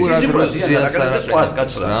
უკვე კაცი ესე ერთობა. მაგრამ აი ახლა რა მინდა თქვა, მე თუ რაღაცას რაღაც ისეთი თვერთობი და ჩემ შვილი, რომელიც არასრულწლოვანია და ჩემ ვალდებულებაა რომ ისინი შევინახო, ჩავაცვა, მათა ვაკლებ რაღაცებს იმის გამო რომ ჩემი გატაცება ჯდება ბევრად ზვირი და ვერ ვყიდულობ საჭმელს, ვერ ვყიდულობ წამალს. არის თუ არა ეს ფიზიკურად ხვისადმი ზიანის მიყენება? კი, მოიცადე, ამ შვილებს სხვა წარმომადგენლები წარმოადგენელი ცხოყავს ანუ შენ ანუ ჩემი აზრით ჩვენ თუ ნორმალურ მე ჩემ წელს ვარ. და შენ ჩვენ თუ ნორმალურ ადამიანზე ვსაუბრობთ ეს ჩვენი გაგებით ნორმის ფარგლებში ქართული საზოგადოება შვილებისადმი ვალდებულად მშობლებს მიიჩნევს. ნებისმიერ შემთხვევაში მე მგონი ყველა საზოგადოება მინიმუმ 18 წლამდე თუ სადაც სრულწლოვანამდე ტექნოლოგიაში ნუ შევდივართ არა უბრალოდ შევეცადოთ ბავშვს და მშობელს რა ნებისმიერ საზოგადოებაში ძირითადად გავრცელებული ეგეთი სტანდარტი რომ მშობლებს უვლია უყურე არის ხოლმე გამონაკლისი შემთხვევები. ვიღაც მშობლები საკუთარ ვალდებულებებზე უარს ამბობენ სხვადასხვა მიზეზების და რაღაცა გამო და ფორმით კიდე ზოგი ცოლს ეყრება თუ ოჯახს ანგრევს, ზოგი გარბის, ზოგი არ ვიცი რაღაცა, რა 1000 1000 რაღაც ზოგი კაზინოში დადის, ზოგი რა შევა, ზოგი რა შევა. ანუ კითხვა მდგომარეობის შემდეგში, იმაში კი არის რომ ეს კარგი საქციელი და ცუდი მორალური არა, არა, არა, მაგაზე არ ვამბობ. რას ნიშნავს, როდესაც ანუ ჩემთვის არის ამ შემთხვევაში ცნება, მინდა განსაზრო, რას ნიშნავს, აყენებ თუ არა სხვა ზიანს. იმიტომ რომ მე შეიძლება ამით ის პირდაპირ ის ფორმით ზიანი არ მივაყენო ჩემს, მაგრამ არის თუ არა საერთო ჯამში ჩემი შვილისადმი ზიანის მიყენება, როდესაც ჩემი რაღაც ფაქტორების გამო, მაგალითად იმის გამო, რომ მე ფულს ხარჯავ რაღაცას, რა ვთქვა, ჩემი თვისვე არა, ვთქვა, არამომგებიან საქმეში, რომელიც აკლდება შვილს. არის თუ არა ზიანის მიყენება? ნახე, არჩილა კიდე ხო, აი ეს კიდე ერთი არგუმენტი გასაკეთებელი სისტემა შემოუშვი იმის გასაკონტროლებლად მე ფულს რაში ხარჯავ. თუნდაც ჩემი შვილებზე ზრუნვის არგუმენტი, მე სისტემა თავზე დამაჯდება ნებისმიერ სხვა ფორმატით მე. ვერ ბაბუაზე ზრუნვა იქნება, ბებიაზე ზრუნვა საზოგადოებრივ. აი, ვიღაცა უნდა განმისაზღვროს და მე ანუ არ გეთანხმები, ანუ მაგ მაგ იმაში არც კი მინდა რომ შემოვიდე. რატო არ მინდა რომ შემოვიდე? იცი რომ იდეაში მაგას ბლოკავ საწყიშივე რატო ამბობს რომ საზიანო, სიტყვა საზიანოს ხმარობს. ვიდრე მე დეფინიციას არ მიცემ. რას ნიშნავს სიტყვა საზიანო და ვინ უნდა განსაზღვროს რას ნიშნავს სიტყვა საზიანო ჩემთვის პერსონალურად, ხვდები? და მე მაგაზე არა ვარ თანახმარო, ჩემს გარდა ვინ მე მე განსაზღვროს. ანუ გარდა ფიზიკური ზიანისა, სხვა ზიანი არის. ხო და არ არის ფიზიკური ზიანი, მაგალითად იმის გამო რომ მე ყიდულობ თქვა ნარკოტიკს ვიყენებ და ამის გამო სიტყვაზე ჩემ შვილს თქვა არ აღარ მაქვს ფილმსაც თუ ჩემ შვილს წამალი ვიყიდო როცა ცუდად არის არის თუ არა ჩემ მხრიდან ზიანის მიყენება ფიზიკური დაზერე მე რო დამიჭერენ ჩემ შვილს ვინმე მე მუტყავს არა ეხლა ეგ არ არის მაგრამ მეგონები ეხლა ამას მე არ ვიზიარებ მაგრამ მე გეტყვი შეგამოხოდი შედეგი რას შედეგი ანუ რა მხრიდან მიდივარ ამიდა ამიდა მე მინდა რომ გავარჩიო შენ შეგება ერთი არგუმენტი შენ შენ მე ერთი არგუმენტი რომ პირდაპირ გაკავხან ამ შედეგამდე მაგრამ როგორი მხრიდანაც არ უნდა ვიმჟელო ნებისმიერ შედეგად მაგის თქმა მინდა ნებისმიერ თქოში შედეგი იქნება ცუდი ერთადერთი იაგო რა მინდა იცი თქვა რომ მან ამას მე არ ვიზიარებ მაგრამ არგუმენტი დასჯისა სასჯელისა არის ეხლა ჩვენ თორე ყველაფერი განადგურებული სხვა მაგრამ სასჯელის იდეა როგორც ასეთი გულისხმობს ორ საკითხს. ერთი ეს არის მისი დევიანტური ქცევიდან რაღაცა უფრო ადეკვატურ ქცევაში დაბრუნებას ან შეკავებას. ანუ სიხის იდეა მაშინ არის მისაღები როდესაც შეკავება სჭირდება არაფერი არ გამოდის. ანუ მე არ ვიჯერა რომ შეიძლება ჩვენ ქცევა შევაწვა და მაგაში არა არა მე ამბობ სასჯელის იდეა ეგ არის. ყოველ შემთხვევაში მესმის. იდეა შეიძლება იყოს მაგრამ დადასტურებულია უკვე რომ მსგავს სასჯელი არაფერს არ აკეთებს ამიტომაც შემოვიდა დღეს სამართალში ძალიან ბევრი თემა რომელიც იგივე გაარე დისტანციურ სასჯელის პირობითა დაახოთ მოქმედებს. მე მაგალითად როდესაც დავდივართ მაგაზე რა. ხო და იგივე ჩვენთან ერთ-ერთი ყველაზე ეფექტური არ შეიძლება იყოს მექანიზმი წვრილ-წვრილი გადასვლამისთვის საზოგადოებრივად სასარგებლო შრომა რომელიც პრაქტიკულად არ არის დანერგილი ჩვენ ქვეყანაში რომელიც ჩვენთან ასეთი კულტურის ხალხთან ხოლმე ძალიან ეფექტური შეიძლება იყოს. რატო აქვს თავის დადებით არა არა არა იძულება არანაირი არა არა მე ვამბობ სასჯელს ციხესა და ჯარიმასა და საზოგადოებრივ სარგებლიან საქმეებში არა კაცო ძალიან თამუშავებენ რაღაცას შეუძლებელი ეს სასარგებლო იყოს ვინმესთვის. შეუძლებელი ანუ არ ჯერა მაგ სასჯელი მაგ სასჯელის ფორმის არ ჯერა ხტე არ გამოიხდა რომელსაც ძალიან თამუშავენ. ხო მაგრამ თუ მისი არჩევანი არა თუ მან არჩევანი არის ციხესა და ფინანსურ ჯარიმაში რომელმაც შეიძლება პირდაპირ კრიმინალზე ყველაზე მეტად მე ვერ ვიტან ფინანსურ ჯარიმებს არა არა პირასურ ჯარიმები ბევრად უფრო ლიბერალური და აი მე კიდე ვფიქრობ რომ ის პოტენციურად სოციალური პრობლემების მქონე პირდაპირ შეიძლება უბიძგებდეს კრიმინალს არჩილს სჭირდება რომ ერთ რამოდენიმე დღე ციხეში. და აი ეგრევე მიხვდები რომ ფინანსური ჯარიმა კარგია.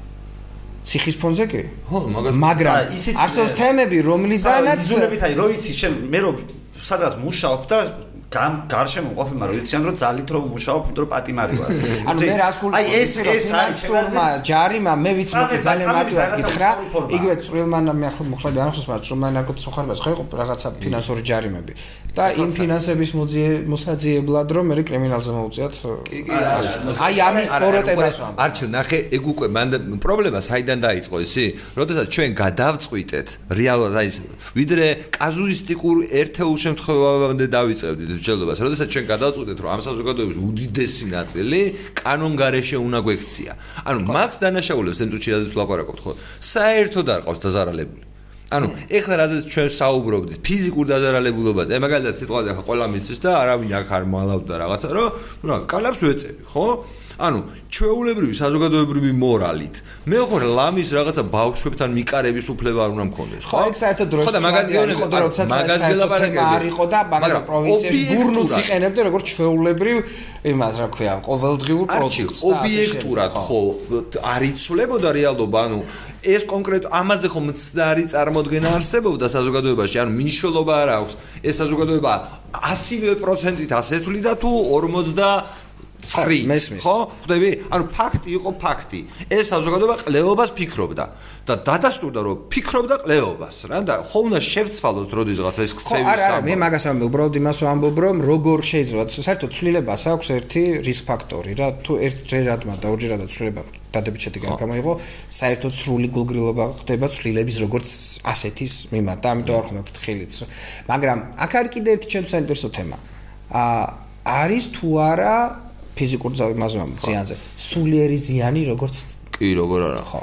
ხო წარმოვიდგენ როგორ არის იქნება? აი მაგალითად ყოველდღიურად შენ თუ ვიღაცა სიტყვაზე გამაცირებს და ანუ რეალურად საბოლოო ჯამში უნდა ჩათვალო სულიერი ფიზიკურობამდე ანუ ფიზიკურობის ჩემი აზრით არანაირი სულიერი ჩემი აზრით არანაირი ისეთი ზიანი არ არსებობს რომლის გაზომვაც არ შეიძლება. ანუ აქედან დავიწყო ხო ამიტომ ნახე შენ რომ სულიერი ზიანს გაჩნდა მე რას გქონდა თუ ვიღაცას შენ შულს აწამებენ შენ შულს აწამებენ და ეს არის სულიერი ზიანი ეს სულიერი ზიანი კი ადამიანის წამებაა. მოდი ესე ვთქვა რა. მაგრამ ის რომ ვიღაცამ თქვა რომ რა ვიცი მე არ მომწონს საქართველოს კათოლიკოს პატრიარქი და ვიღაცა არ შფოთდება რომ ჩემს რაღაცა წმენას მიადგა ზიანი ჩემი აზრით ეს არაფერს არ გასაჯერ არა მე უფრო აბა თემაზე. აი თქვა იგივე მამა მყავს ალკოჰოლიკი, რომელიც ყოველდღე მოდის, გდია მთრალი, სუნი აქვს აშნელი ოთახში, პირდაპირ არ დაგვერება და აქცენტს. საკუთრება ვისია, სადაც დადის, აქედან დავიწყოთ. მისია ოჯახის, რაც შეიძლება დედაჩემის სულაც. არა, არა, კაცო, მესაკუთრე დავადგინოთ და თუ კაცი თავის საკუთრებაში გინდა მთრალიანოს, გინდა ღიზელმა. მაგრამ არის თუ არა სულიერი ზიანი მისი ყველაზე ძველი წავართვათ ბავშვი. არ ვიცი, თემა მე შევიხარ მაგრამ გამარჯვენები. არის თუ არა ეს ზიანი და თუ შეიძლება თუ შეიძლება ჩავთვალოთ იგივე ზიანად სხვა ადამიანთან მიმართებაში რომელიც ყოველდღიურად ამ ფაქტის წინაშე არის. არავინ არ არის ვალდებული. და რომლის გამო დედა ვირივით მუშაობს იმის გამო რომ ფული მოიტანოს და ამ შემდეგ. აი დედის გამო ციხეში. დედის გამო სვამ ციხეში ამას. დედი დედი ციხეზე ანუ როგორ უნდა იყოს ანუ ჩვენ ხო ამ როგორ უნდა იყოს დამოკიდებულება ასე. მე მგონია ჩვეულებრივად მაშინ შეხოთ და მე ესე შეხედოდი ეგ ამ სიტუაციას.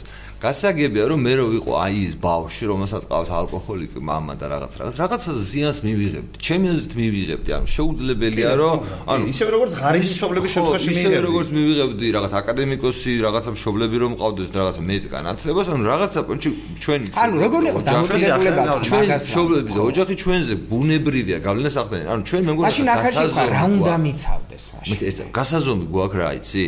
სად იწება ამ ბავშვისთვის რაღაც ფაქტობრივად წამება, ხო? ანუ ანუ ეგ წამება სად იწება და თორე სინამდვილეში ამ ბავშვის მიმართ ახლა ვალდებული საზოგადოება ახლა გარდა ოჯახის და მის უშუალო დედისა და მამის არც არავინ არ არის. და ჩვენ უნდა გადავწყვიტოთ რომ ეს ხალხი ოჯახი კი არ არის თქვა შობლები და შვილი, არამედ ეს ხალხი აწამებს აი ამ ადამიანს. ხოლოდ ეს მომცემს მე მორალურ უფლებას, რომ საერთოდ შევეჭხირო ამ ადამიანების ცხოვრებაში, ხო? ხო, მესმის, აი როგორ არის, მაშინ კითხვა არის, რა არის ბავშვისთვის ის მდგომარეობა, როდესაც ჩვენ შეიძლება ჩავთვალოთ, რომ გვაქვს უფლება მის მშობლებს შვილი წავართვათ. ანუ ამაზე ამაზე ზოგადად რაღაც დამოკიდებულება ყველა ვარიანტი არჩი ყველა ვარიანტი. საბოლოო ჯამში ჩვენ შეიძლება ქონდეს კეთილი სურვილები მაგრამ ჩვენი კეთილი სურვილები თუ პრობლემას ვერ აგვარებს მივდივართ ძალამდე და ძალა უნდა გამოსულო ანუ იდეაში ეს რას ნიშნავს ცი ჩვენ მაგალითად საკუთარ საკუთარ ვთქვათ მომავალს გეგმავთ. ხო ვცდილობთ თუ წარმოვიდგინოთ ყველაზე ცუდი ძიმე სცენარი რომ იმას ავარიდოთ თავი. ხო სცენარში ასე ვიქცევით რა. და ზუსტად აქაც იგივე ლოგიკაა. ჩვენ ახლა ვცდილობთ წარმოვიდგინოთ ესეთი მდგომარეობა რომ მდგომარეობაში ჩვენ ჩავთვლით რომ ამ ბავშვს ეს წამება და ჩვენ მორალური ლეგიტიმური უფლება გვეძლება რომ სხვა ადამიანების ცხოვრებაში შევიჭრათ ხო ასია? ხო, სახელმწიფოს ერევა ეს ხო არ ვიცი რა. მაგიტომ ანუ ეს უნდა იყოს თქვა ჩვეულებრივი მე რო დავთვრე, მე ხოს ბავშვები, მე რო დავთვრე და თვალმა ვიარო, მოგცემს შენ არჩილს უფლებას, რომ ჩემი შვილების ანუ ჩემი შვილების ინტერესი აიფარო წინ და სიტყვაზე ჩემს წინააღმდეგ რაღაცა აი იცი რა ქეს გამახსენდა ექს იმთვრალიც არ იყო мама რომელიც შვილებს არ უშვებდა გახსოვთ აი სულწლოვანი შვილების ატყობასთან იყო საუბარი არასრულწლოვანი არასრულწლოვანი არა არასრულწლოვანი კი არა სულწლოვანი 22 წლის იყო 22 წლის იყო და ამიტომ ეჭვი არ არსებობდა 22 წლის ადამიანი თუ სადღაც არ უშვებ არ უშვებ. ის სულწლოვანია უკვე ნებისმიერი სტანდარტი. ანუ რა მინდა თქვა, იცი რომ, ანუ როდესაც ეს არის თქო ყოველდღიურად მაგისგან ყავდა. შენ რომ დავწერი ერთხელ და ვიარე, ეს არა თა, მაგრამ როდესაც ამითი ცხოვრობს. აბა წარმოიდგინე ადამიანი, მაშინ წარმოიდგინე ადამიანი, რომელიც მე რო დავთვრე და არ მოგწონს სიტუაცია. თქვა მე დავთვერი, რომ ისეთ მდგომარეობაში დავთვერი, რომელიც ნორმალურ ადამიანს არ მოგწონუ ვართ, ხო? და წარმოიდგინე ვიღაცა ადამიანი, რომელიც სიფხიზლეშიც ასეთია. ხო, მეს ანუ შეიძლება რომ მას შვილის ყოლის უფლება აბუკრძალოთ, იმიტომ რომ სიფხიზლეში ხო შეიძლება ადამიანი რაღაც აუტანელი იყოს, ხო? ა უნდა იყოს თუ არა ანუ თუ ძალაზე არ გადის თუ ანუ ჩვენ ხო ამბობთ რომ ზიანი არის მარტო ხეო ფიზიკური ზიანი. მე ამბობ რომ თუ სულიერი ზიანიც არსებობს როგორ უნდა იყოს ასე არა სულიერი პოლიციას როდის ეძახი თქვა თან მოდი თქვა პოლიციას როდის დაუძახებდა? მოქალაქე არჩილ გამზარდია სხვა მამის და შვილის ურთიერთობას რო დაინახავდა. შენ როცა ეძახი პოლიციას მოდი ჩვეულებრივ ურთიერთობაში ჩვენ მზად ვართ განვიხილოთ ის სტანდარტი დასაკანონებლად. ჩვეულებრივ ურთიერთობაში შენ რას იზამდი აი რა სიზალე. აი როდის გამოიძახებდი პოლიციას? რა მეზობლები რო ვიყოთ რაღაც და იცი რომ мама და შვილი შეიძლება დააშორონ შენი ზარის გამო. როდის იზამდი ამას? ხო, ნუ არა, იქ ლაპარაკობთ იმაზე, რომ თუ მაშინ სიმწურში სიცოცხლეს საფრთხე არ ემქრება. მაგრამ ჩვენ ხშირად იმაზეც გვილაპარაკია, რომ ეს ყოფილა არასწორი და რო სხვა შემთხვევაში ყოფილიყო, რეაგირებაო, თქვა და აი მაგალითად იგივე ბევრი თქვა შემთხვევა ყოფილა რომ დროული რეაგირება არ ყოფილიყო მე ფიზიკურში არ მოხდებოდა მკვლელობების არა ჩემს დროული არ არის არსებობს ასეთი არგუმენტებით. რა რეაგირება? რანერა შეიძლება ახლა მე ხო მაგალითად ძალიან მაინტერესებს ადამიანები ვაკვირდები. აი და ქმრები, ცოლებზე მოძალადე ქმრები, რომლებიც ხშირად ამობდნენ რომ ეს ქმა არის ანამი ფსიქოლოგიური ანა მუქარი. აი ეგ მე მუქარა ხო არა? მეზობელი ოჯახის ცხოვრებაში როგორ ჩავერევი არჩილ. აი მოდი შეხო ადამიანები ვართ სანამ კანონზე. არა მეზობლის გარდა მე ვამბობ როგორ ჩავერევი? არა მე კეთრი ამაში გარკვეული სამართლებრივი დამოკიდებულება ვახო. პრეტენზია როცა ეგეთი რაღაც მოხდებოდა, იყო ეგეთი საზოგადოებრივი ქალთა უფლებების ორგანიზაციები და რაღაცები ამას შვებოდნენ რომ განრიდება და რაღაცა არ გააკეთა პოლიციამ. ხო, ნახე რატო არის ეს სრული არჩილს მინდა აბოქსთან. ნახე ადამიანი რომელიც ცოლის მოკვას აპირებს, იმისთვის ადმინისტრაციული განრიდება, ადმინისტრაციული აქტი ცოლს ნუ მიეკარების 300 მეტრზე, არის სრულიად უშინაარსო ფურცლების ერთობლიობა, მიხვდი? და ამიტომ ამ პრობლემას არ განრიდებით და კიდე დაძაბვით კი არ უნდა ვებრძოლოთ. არამედ ობიექტურად უნდა ვებრძოლოთ, რომ თუ ამას მოსამართლე განიხილავს, უნდა მაქსიმალურად ეცადოს, რომ რა შეიძლება იყოს ისეთი, რა შეიძლება მან მიაღწიოს ამ ადამიანებთან საუბრით, მათ შორის დარწმუნებით ან რაღაცით, რომ ამ ადამიანებს კონფლიქტი აღმოფრა, სწორედ, მართლა 20 მეტრში არ მიეკარო. ეს რაერია შეიძლება იყოს საღი აზრის დონეზე. ყოლელობის რაოდენობის შემამცირებელი. კონფლიქტი შეება, უბრალოდ ადამიანი ფიზიკურად, ანუ გეგონება უნდა შიშმა. თან ადმინისტრაციულ აქტს გამოსცემს, ბიჭო, განდრიდებაზე მართლა და მე დაგიჭერო, რომ ამით ემუქრება კაც, რომელიც ცოლის ყოლობა უნდა. მიხვდი?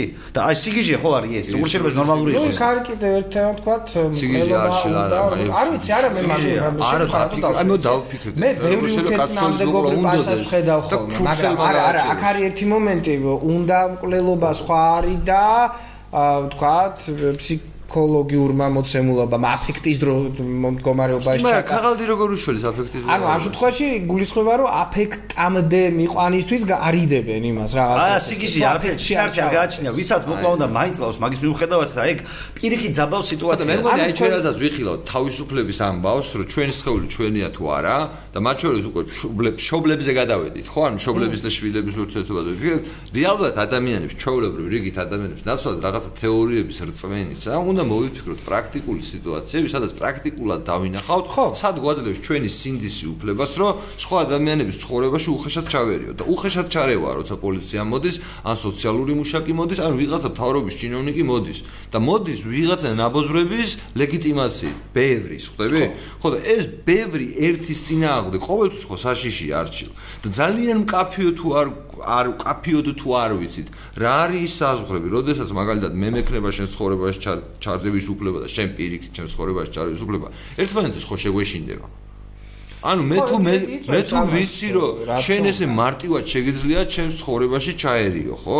მე ხო აშკარად შენთან მიმართებაში დაძაბულად ვიგზნობ. ხო, ანუ ამით შეუძლია თქვა რომ რაღაც საზოგადოება თავისუფალი ადამიანების ერთობლიობა, საზოგადოება, მე ხო მინდა იდეალური საზოგადოება, სადაც ცხოვრობენ თავისუფალი ადამიანები. მე თავისუფალი და უფრო თავისუფალი ადამიანები. ნებისმიერ შემთხვევაში ადამიანი რის გამო დაკარგავს თავისუფლებას, ეს იქნება რაღაც სისტემიდან ზეწოლა, ეს იქნება თქვა რა ვიცი, რაღაცა ისეთი. სხვა ადამიანები. სხვა ადამიანებისა და კულტურის თავისუფლებასთან ერთად თქვა იყოს დაცულობაც. დაცულობა ხო რა შემთხვევაში მექნება? მე როცა ვიცი კაფიოდ ჩემი უფლებების და მოვალეობების საზღვრები, ხო?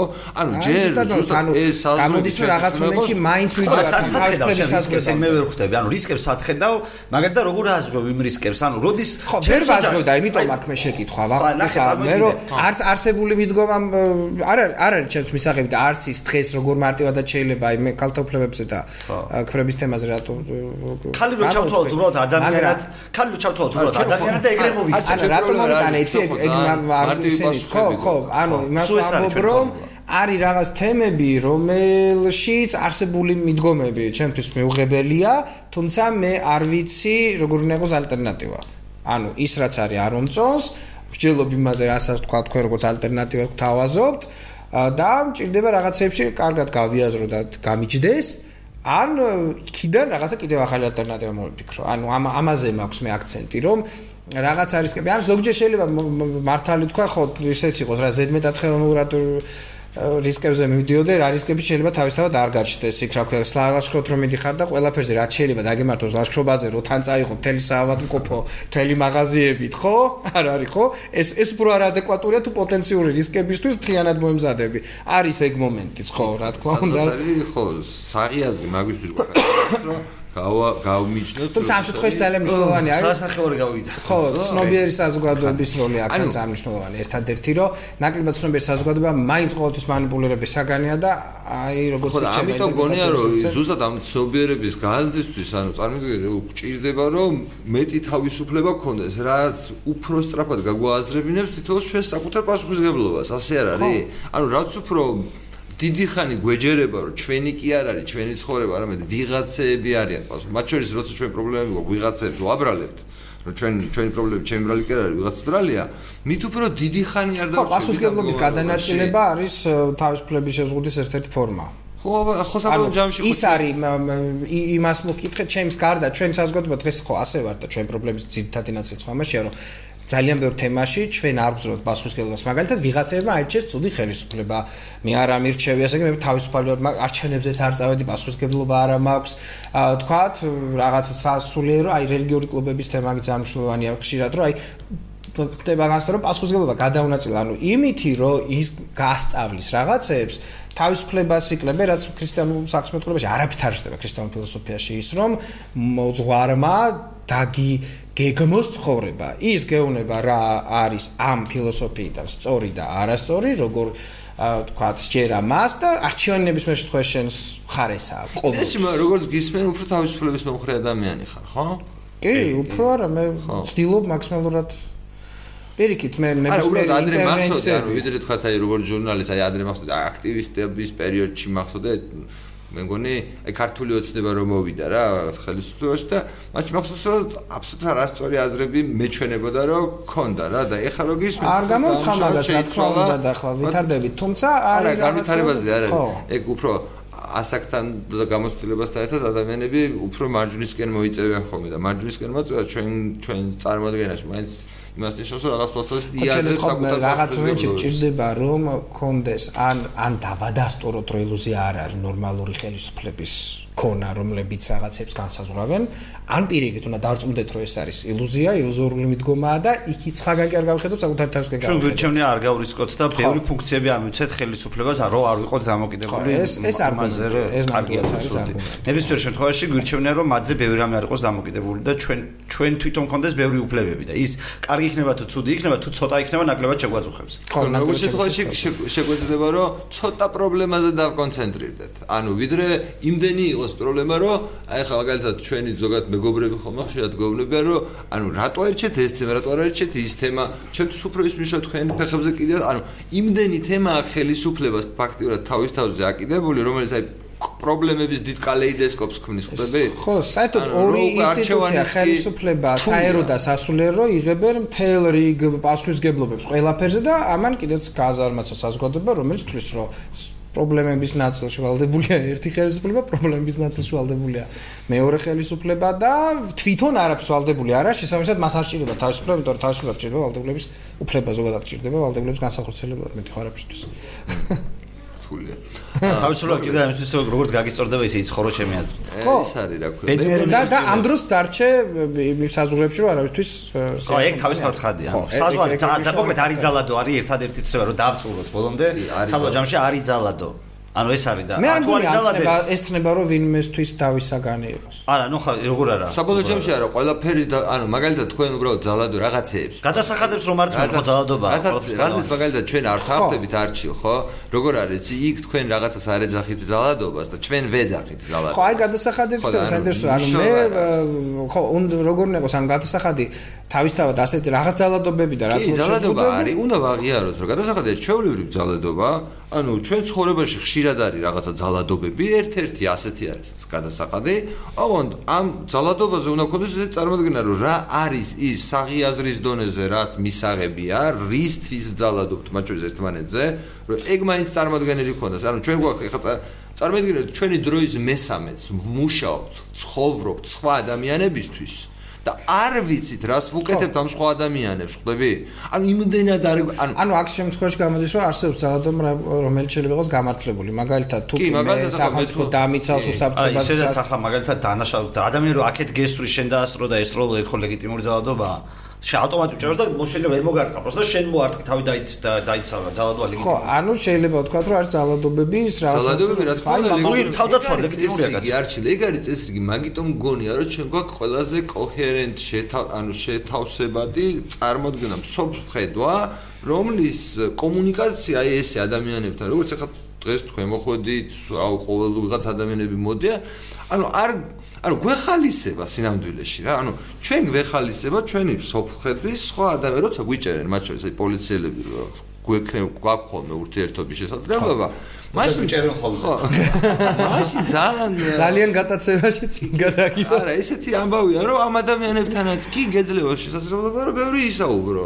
ანუ და ზუსტად იგივე სხვა ადამიანები არის არა არა ზუსტად იგივე რაღაცებზე ელაპარაკო რაც მასთვის მნიშვნელოვანია თავისუფლების დაწესში და ჩვენოთ აუხსნა. ანუ იმის თქვა მინდა რომ აი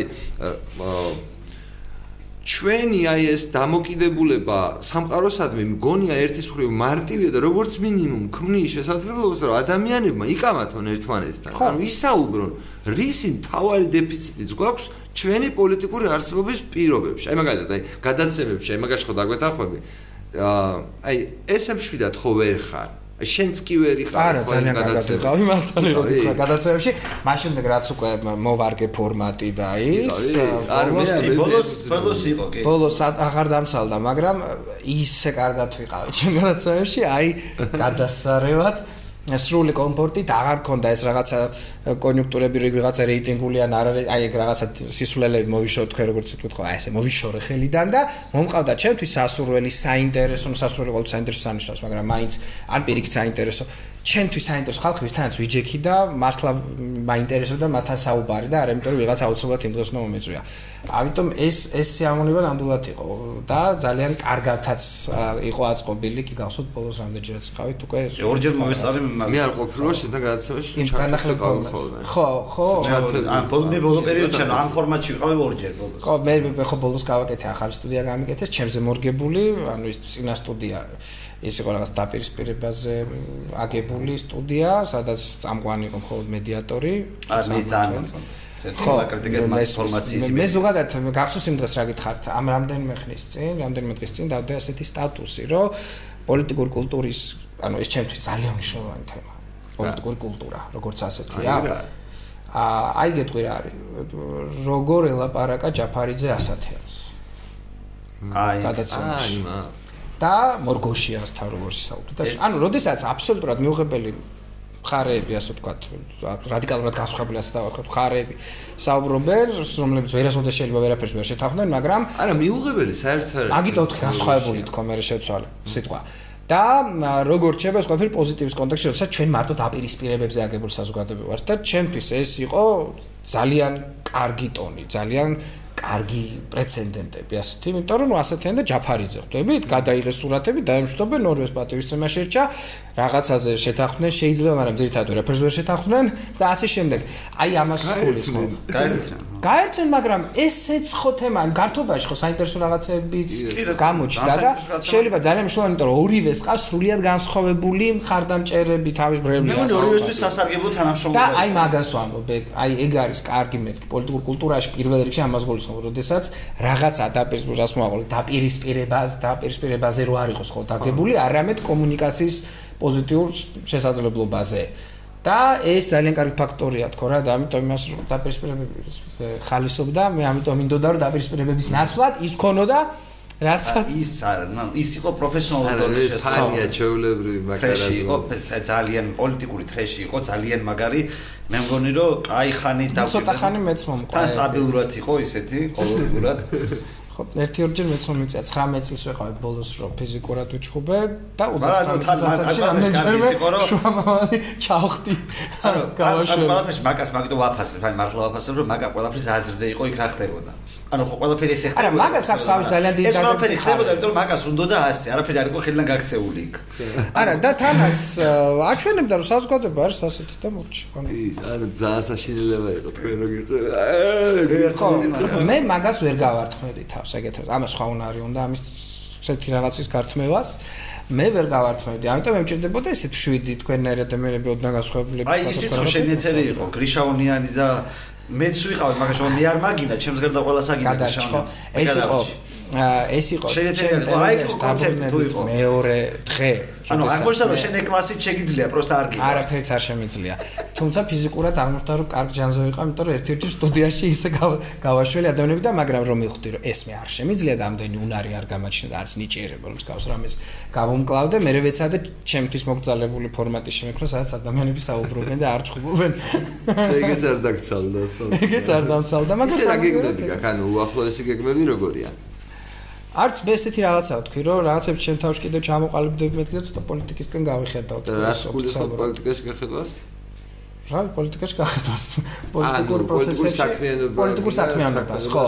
ოღონდ აი რაღაც თემები, ანუ აქამდე როგორ იყო, როგორც თქვათ, პოლიტოლოგი რაღაც თემები იყო ჩემთვის ინტერესები, რაღაც თემები არ იყო, რაღაცებს არ შეხედული არ მქონდა და არც ახლოს არ მქონდა twin-თანაც კი.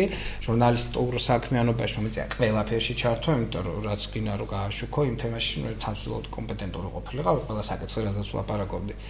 და ახლა რადგან ჩემი პოზიციები კიდევ უფრო ასე ვთქვათ აქტიურია, ვიდრე შეიძლება რაღაცა პროფესიულ ჩარჩოში ჩაждდეს, ა როგორც კი გადავალ სხვა ტიპის შეფასებაზე, გამოდის რომ ასე ვთქვათ, პოლიტოლოგი იხრები პოლიტიკური შეფასებებისკენ, რაც და ამიტომ რაღაცნაირად ვარ მე მე ვერ წარმოვიდგენია სადაც რა პოზიცია გამოთქვა მართლა პოზიცია რო იყოს ის და ის მოშორებული იყოს პოლიტიკური კონტექსტი. არა პირდაპირ კონტექსტი და ასე ვთქვათ ირიბი კონტექსტები აქ ლაპარაკი მაგალითად თუ ვისყვი როგორი ჭიქები არსებობს ეს სხვა არის მაგრამ თუ ვიტყვი რომ ამ ჭიქაზე რას ფიქრობ ეგ კიდევ სხვა არის ასე ვთქვათ.